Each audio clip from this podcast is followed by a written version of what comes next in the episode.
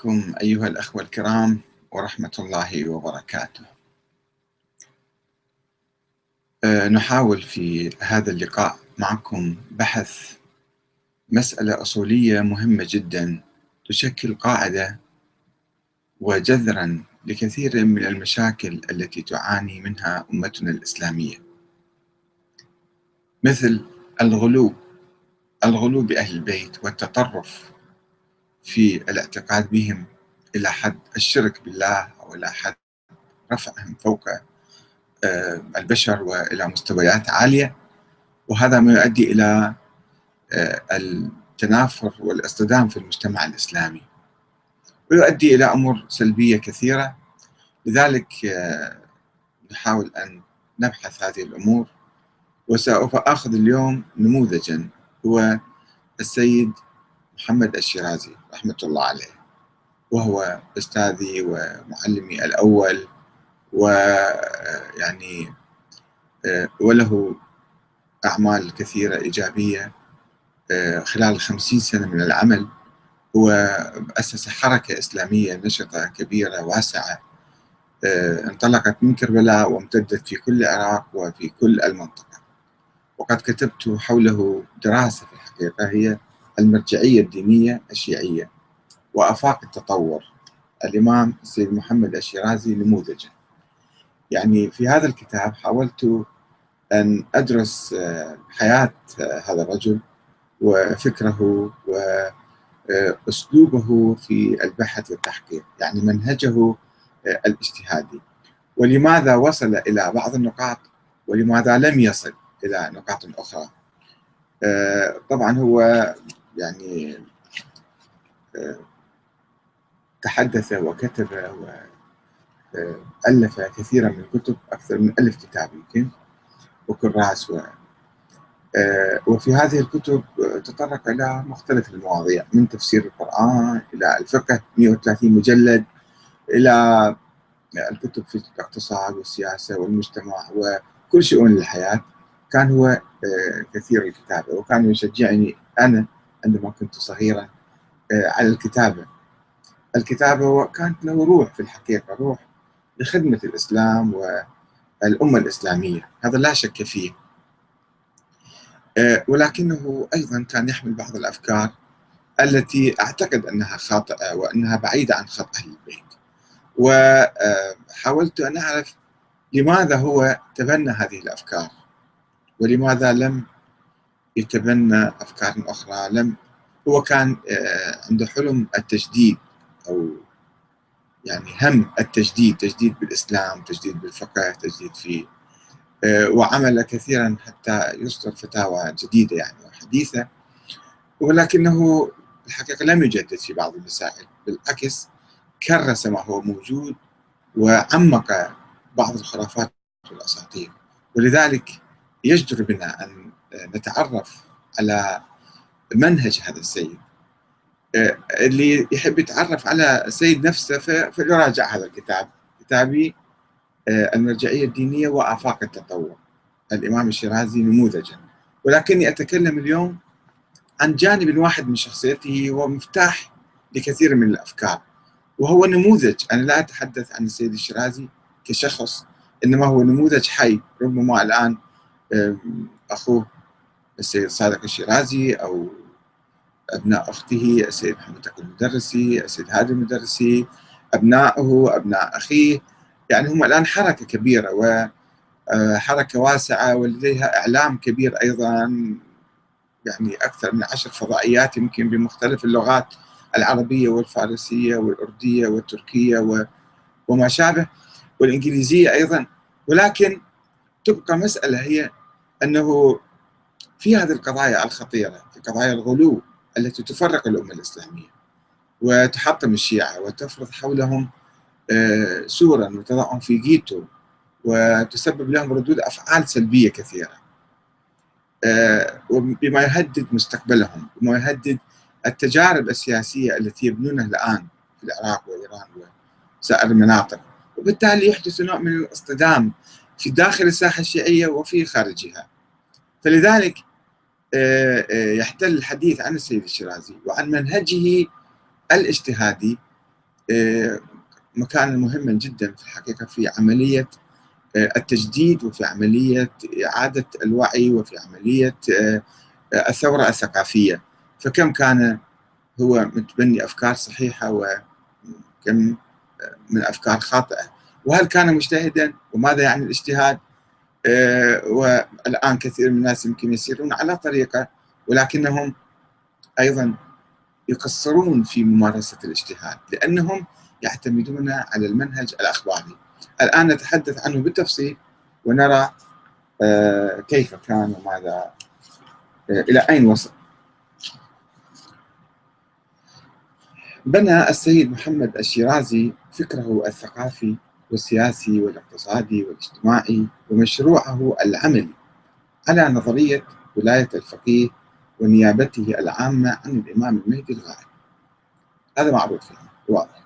وأن هذه النظرية قديمة وتشكل امتدادا لنظرية الإمامة منذ القرن الرابع الهجري بداية الغيبة الكبرى.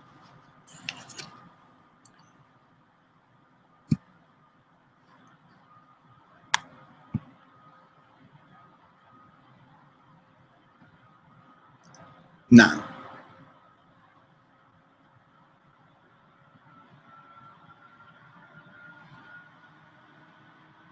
الحديث عن السيد محمد الشيرازي آه،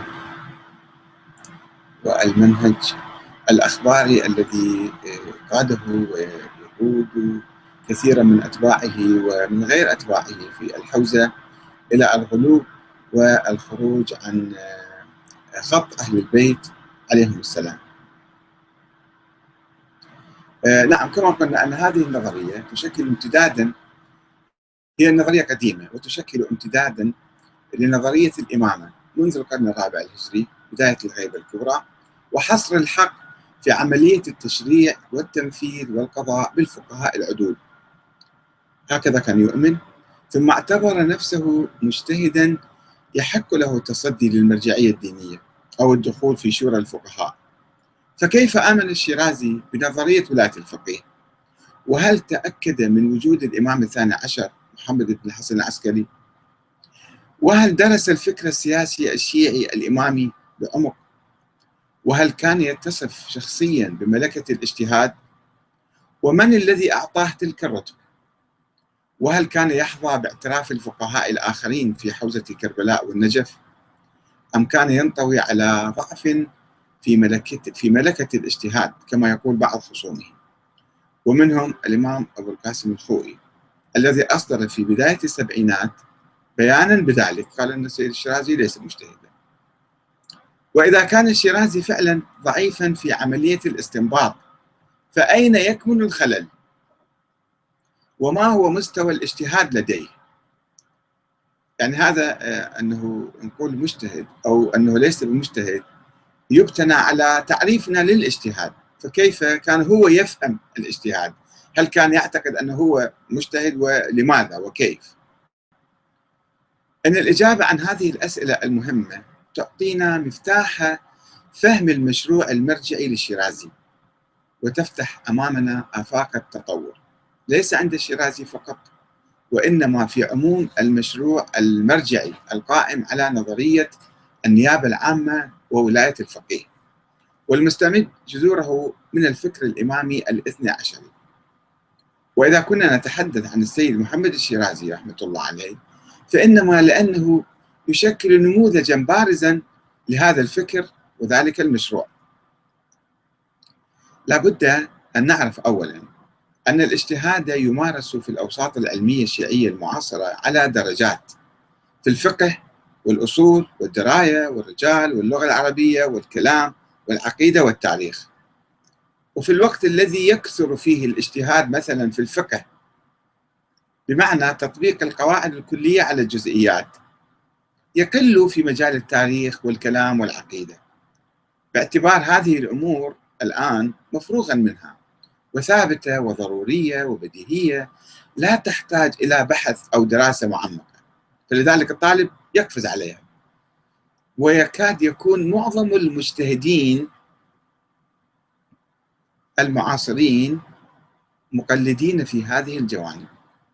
وإذا كان الشيرازي يعاني من نقاط ضعف في عملية الاجتهاد كما يتهمه خصومه فإن تلك النقاط السلبية يعني التقصير أو القصور موجودة في الحقيقة لدى بقية الفقهاء المراجع بصورة أو بأخرى حتى لدى السيد الخوري يعني لم يكن مجتهدا مطلقا.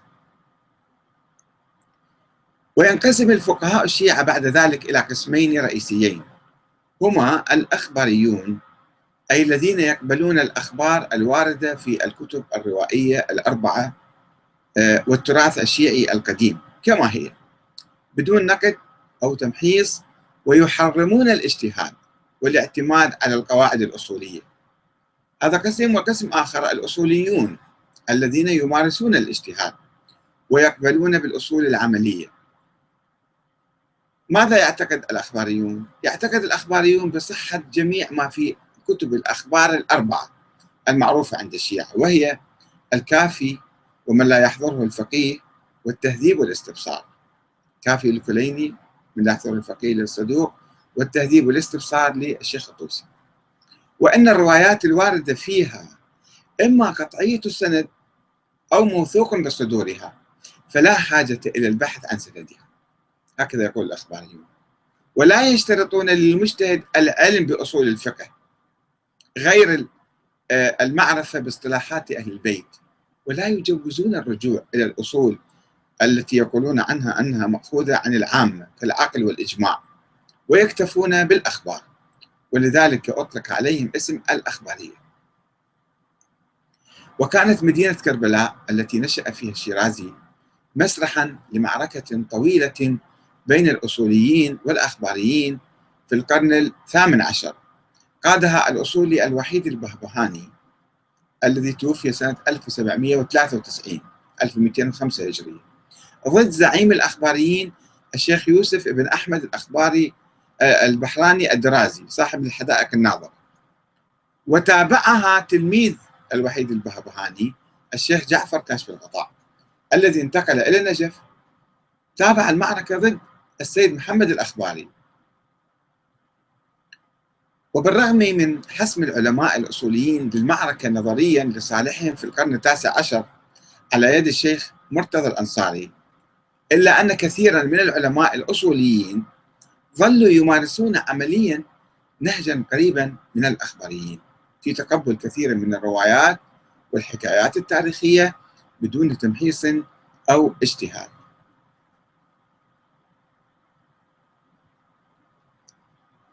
وربما كان السيد محمد الشيرازي واحدا من هؤلاء الفقهاء الذين اجتهدوا في الفقه ولم يجتهدوا في الأصول أو الرجال أو العقيدة. وخاصة في نظرية الإمامة أو وجود الإمام الثاني عشر. أصلا لم يبحث في هذه المسألة. وهو يبرر ذلك بقوله سيد الشرازي يقول ليس الفقهاء الذين اجتهدوا في الأصول ممن تتوفر فيهم الاجتهاد في جميع مقدمات الاستنباط من اللغة والنحو والصرف والمنطق والبلاغة والرجال وغيرها. بل الغالب الذي يشذ خلافه أنهم يأخذون في المسائل النحوية ومعاني الكلمات اللغوية وغيرهما بآراء المجتهدين في تلك العلوم.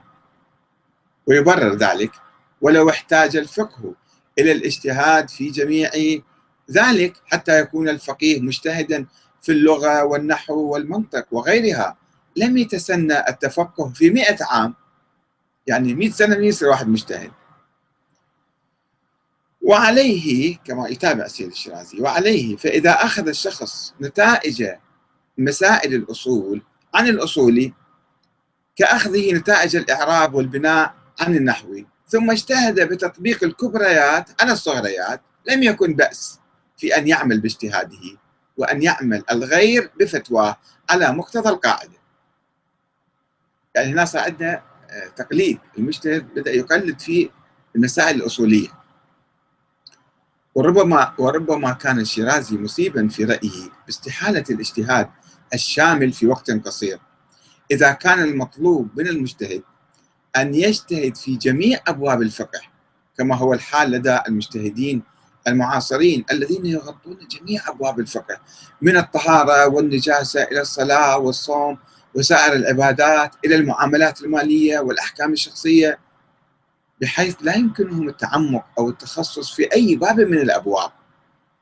ولذا فإنهم يضطرون إلى التقليد في كثير من أصول الاجتهاد كالعقيدة والتاريخ واللغة والأصول والدراية ويكتفون بالاجتهاد في تطبيق القواعد الفقهية الكلية على الصغريات.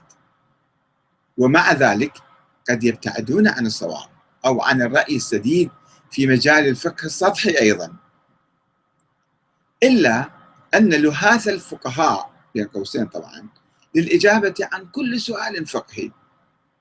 والتمتع بصفة الموسوعية بالصفة الموسوعية الشاملة لجميع أبواب الفقه بما يؤهلهم للحصول على لقب المجتهد المطلق والأعلم الذي يعطي المجتهد حق التقليد من العوام. هذا اللهاث لا يسمح لهم بالتخصص والاجتهاد العميق في جميع المراحل الضرورية. ولكن الاجتهاد السطحي في اللغة آه، في الفقه اعتمادا على التقليد في قضايا العقيدة والتاريخ والأصول والرجال. هذا الاجتهاد لا يجعل من المجتهد مجتهدا حقيقيا لأنه ينطوي على تقليد. وربما كان التسامح الشيرازي في بعض المراحل الأساسية للاجتهاد. سببا لعدم اعتراف السيد أبو القاسم الخوئي زعيم الحوزة العلمية في النجف والمرجع الأعلى في السبعينات والثمانينات آه، باجتهاد الشيرازي. بالرغم من تأليف الشيرازي لكتاب الاجتهاد والتقليد في الفقه الاستدلالي سنة 1374 يعني 1955 وتأليفه لموسوعة ضخمة في الفقه تجاوز ال 130 مجلدا ولكنها من دون أسس.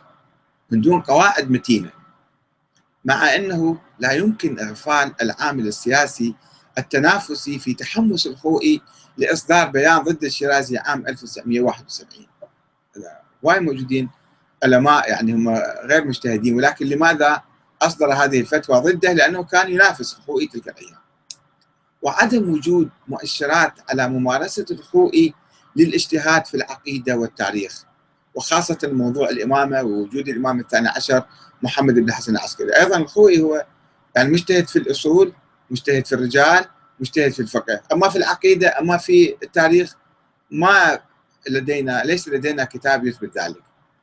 وعلى أي حال فقد أجاب الشيرازي على من شكك في اجتهاده بأن الإجازة ليست طريقا منحصرا والفقه الاستدلالي كاف لإثبات الاجتهاد. ويقول أنا عندي فقه استدلالي وأستطيع أن أجيب الآيات والروايات وأثبت لكم الأحكام فأنا إذا مجتهد.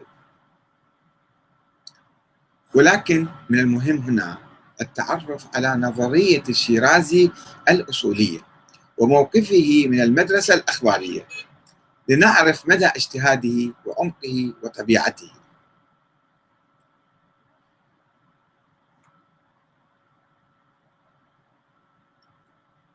من المعروف أن الفقهاء الأصوليين يميلون إلى عدم حجية الظن عقلا ويعتبرون النهي الوارد في القرآن الكريم وإن الظن لا يغني من الحق شيئا نهيا إرشاديا وليس مولويا يعني هذا هو شيء بديهي. ولكن الشيرازي يخالف المشهور لدى الأصوليين ويقول بحجية الظن استنادا إلى عمل العقلاء في كافة أمورهم بالظن إلا ما خرج. كما أن من المعروف عدم التزام يعني الظن في الأمور العرفية في الأمور الاجتماعية ممكن واحد يعتمد عليه ولكن في الأمور الدينية هل هو مطلوب أو غير مطلوب؟ كما أن من المعروف عدم التزام الأصوليين بحجية الخبر الواحد ولكن الشيرازي يلتزم بذلك ويقبل حتى الخبر الضعيف إذا كان مشهورا. هو مشهور ضعيف بس مشهور بين الناس. طيب هذا إذا نقبل فيه. وهو أساسا يعتمد على الشهرة في الروايات والفتاوى سيد الشيرازي. يعتمد على الشهرة. الرواية مشهورة يأخذ بها غير مشهورة ما يأخذ. ما يحقق أن هذه صحيحة ولا هذه مو صحيحة؟ ويرى أنها تجبر الشهرة تجبر الروايات الضعيفة وتكسر الروايات الصحيحة. رواية صحيحة هو يقول هي صحيحة ولكن لأنه غير مشهورة ما حد ما عامل فيها فإذا هذه لا نعمل بها مكسورة الرواية تروح وهو أساسا آه، وذلك اعتمادا على روايات مثل لا عذر لأحد من موالينا في التشكيك فيما يرويه عنا ثقاتنا. وخذ بما اشتهر بين أصحابه والمرسلة فخذ بما اجتمعت عليه شيعتنا. روايات ويعتقد الشيرازي أن المشهور وإن كان ضعيف الطريق أولى بالعمل لدى العقلاء من غير المشهور القوي الطريق آه، الضعيف العمل به. ولكن الناس تاركيه طيب صار انحراف عند الأمة تركوا العمل الصحيح والرواية الصحيحة. فلماذا نقلد العوام نقلد الجهلة نقلد المنحرفين عن أهل البيت؟ مما يصطلح عليه بانكسار الرواية بسبب الشهرة. هذا مبدأ عجيب غريب يعني. وأن الشهرة بمعنى كثرة نقل الرواية في قبال أخرى شاذة أو نادرة هاي الشهرة جابرة كاسرة للدليل فيهما. على المشهور المنصور كما هو يعني يؤيد الكلام. المؤيد من قبلنا هكذا يقول. وبناء على ذلك يفتح الشيرازي بابا واسعا على التراث الروائي والمحافظة على التقاليد لأنها مشهورة. ويأخذ بالروايات الضعيفة التي تلقاها الأصحاب بالقبول بناء على رواية المشايخ الثلاثة الكليني والصدوق والطوسي. لها مما يجعلها في نظره في أحلى الروايات.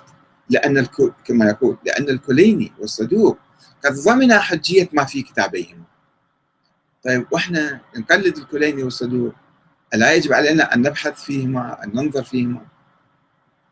على إيه وإضافة إلى ذلك يقبل الشيرازي خبر الثقة.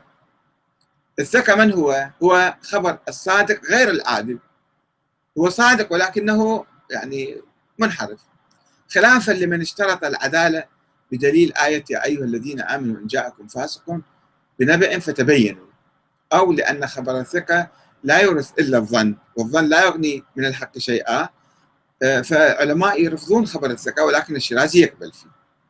إذ يرى الشيرازي أن بناء العقلاء يقوم على قبول خبر الثقة من غير ردع وأنهم لا يلومون من اعتمد على الثقة لو حصلت المخالفة فرضا. واعتمادا على المشهور وبناء على جملة من الآيات والروايات. وعلى رغم وجود مناقشة حادة بين فقهاء الشيعة حول وجود الإجماع أن الإجماع موجود أو غير موجود وحجيته هذا الإجماع حجة أو غير حجة. وكذلك الإجماع المنقول واحد يقول على هذه المسألة إجماع. يسموه الإجماع المنقول يعني هو ما شاف إجماع واحد يدعي. بخبر واحد وكذلك الإجماع المنقول بخبر واحد فإن الشيرازي يعتبر الإجماع المحصل والمنقول حجة حتى إذا كان منقولا بخبر الواحد ادعاء يكون ولكن يقبل لأنه إخبار عن قول المعصوم سواء كانت الدعوة مبنية على علم أو حدس برؤية الناقل للإجماع حتى إلى هذه الدرجة ينزل يعني برؤية الناقل للإجماع للإمام المهدي. وهكذا يعني ظن ظن ضعيف جدا حدث. وهكذا يقبل دعوة تواتر من دون حاجة للتأكد من الأمر بس واحد قال هذه المسألة عليها تواتر إذا خلص عليها تواتر. وذلك لأن الإخبار به إخبار بالإجمال عن موجب القطع ويعتقد الشيرازي ككثير من الفقهاء الآن أنتم أبحثوا روحوا اسألوا الفقهاء اللي تردون تقلدوهم أو تسألوهم. اسألوهم عن منهجهم الأصولي موقفهم من الروايات كيف يأخذون الروايات؟ كيف يجتهدون؟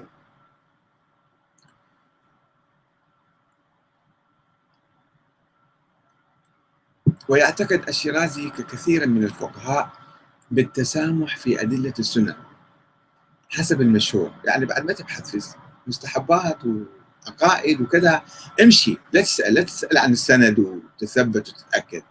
اعتمادا على بعض الروايات التي تقول مثلا من بلغه عن النبي صلى الله عليه وآله شيء من الثواب فعمله كان له أجر ذلك وإن كان رسول الله لم يقله. يعني إذا بالليل تشرب ماء اجلس إذا بالنهار أوقف. النبي ما قال الحديث ولكن وصل كلام من هالقبيل فأنت روح اعمل الشكل. إذا جلست بالليل وقفت بالنهار فراح تحصل ثواب. ولا يستبعد شمول ذلك لفتوى الفقيه لأنه ينقل كلام أهل البيت. فإذا إذا الفقيه قال شيء إحنا أيضا نعمل بقوله. ومن هنا فإن الشيرازي يؤمن بحجية كتب الأدعية والزيارات والآداب المروية عن الثقات ككتاب حلية المتقين ومرآة الكمال ومفاتيح الجنان ونحوها مما أثبتت فيها الأخبار الواردة عن الأئمة عليهم السلام بغض النظر عن ذكر السند. عن يحتاج ذكر السند. اعتمادا على جريان السيرة على العمل بها. هاي الطريقة ماشيين بها الناس.